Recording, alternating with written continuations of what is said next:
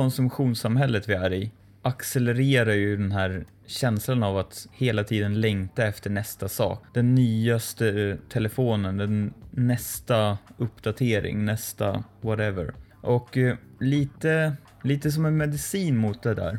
Att hela tiden se framåt, att hela tiden längta efter den nya versionen eller saker du inte har. Är att, eh, ja, alltså som medicin till det då, kan du använda att du tänker tillbaka på det du har. Du tänker på det du har idag och eh, tänk på att du faktiskt en gång längtade efter den saken. Den version, alltså den telefon du har idag till exempel, var ju något du längtade efter att skaffa innan du köpte den, eller hur? Tänk efter vad du har gjort med den.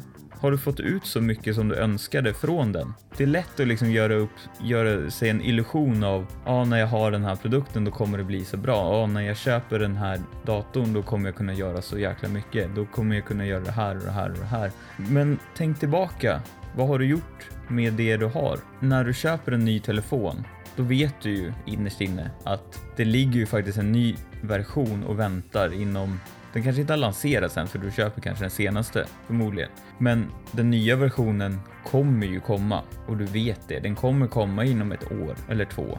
Och genom att stanna upp och reflektera över det du har och uppskatta det och tänka vad har jag fått ut av det? Vad har den gett mig? Har jag fått ut det jag önskade och hur mycket har jag fått ut? Så kommer du också få en ehm, inblick i vad verkligheten är, inte bara de illusioner du gjorde innan du köpte den här produkten. På det sättet så behöver du inte åtrå det nya lika mycket som du kanske gör idag.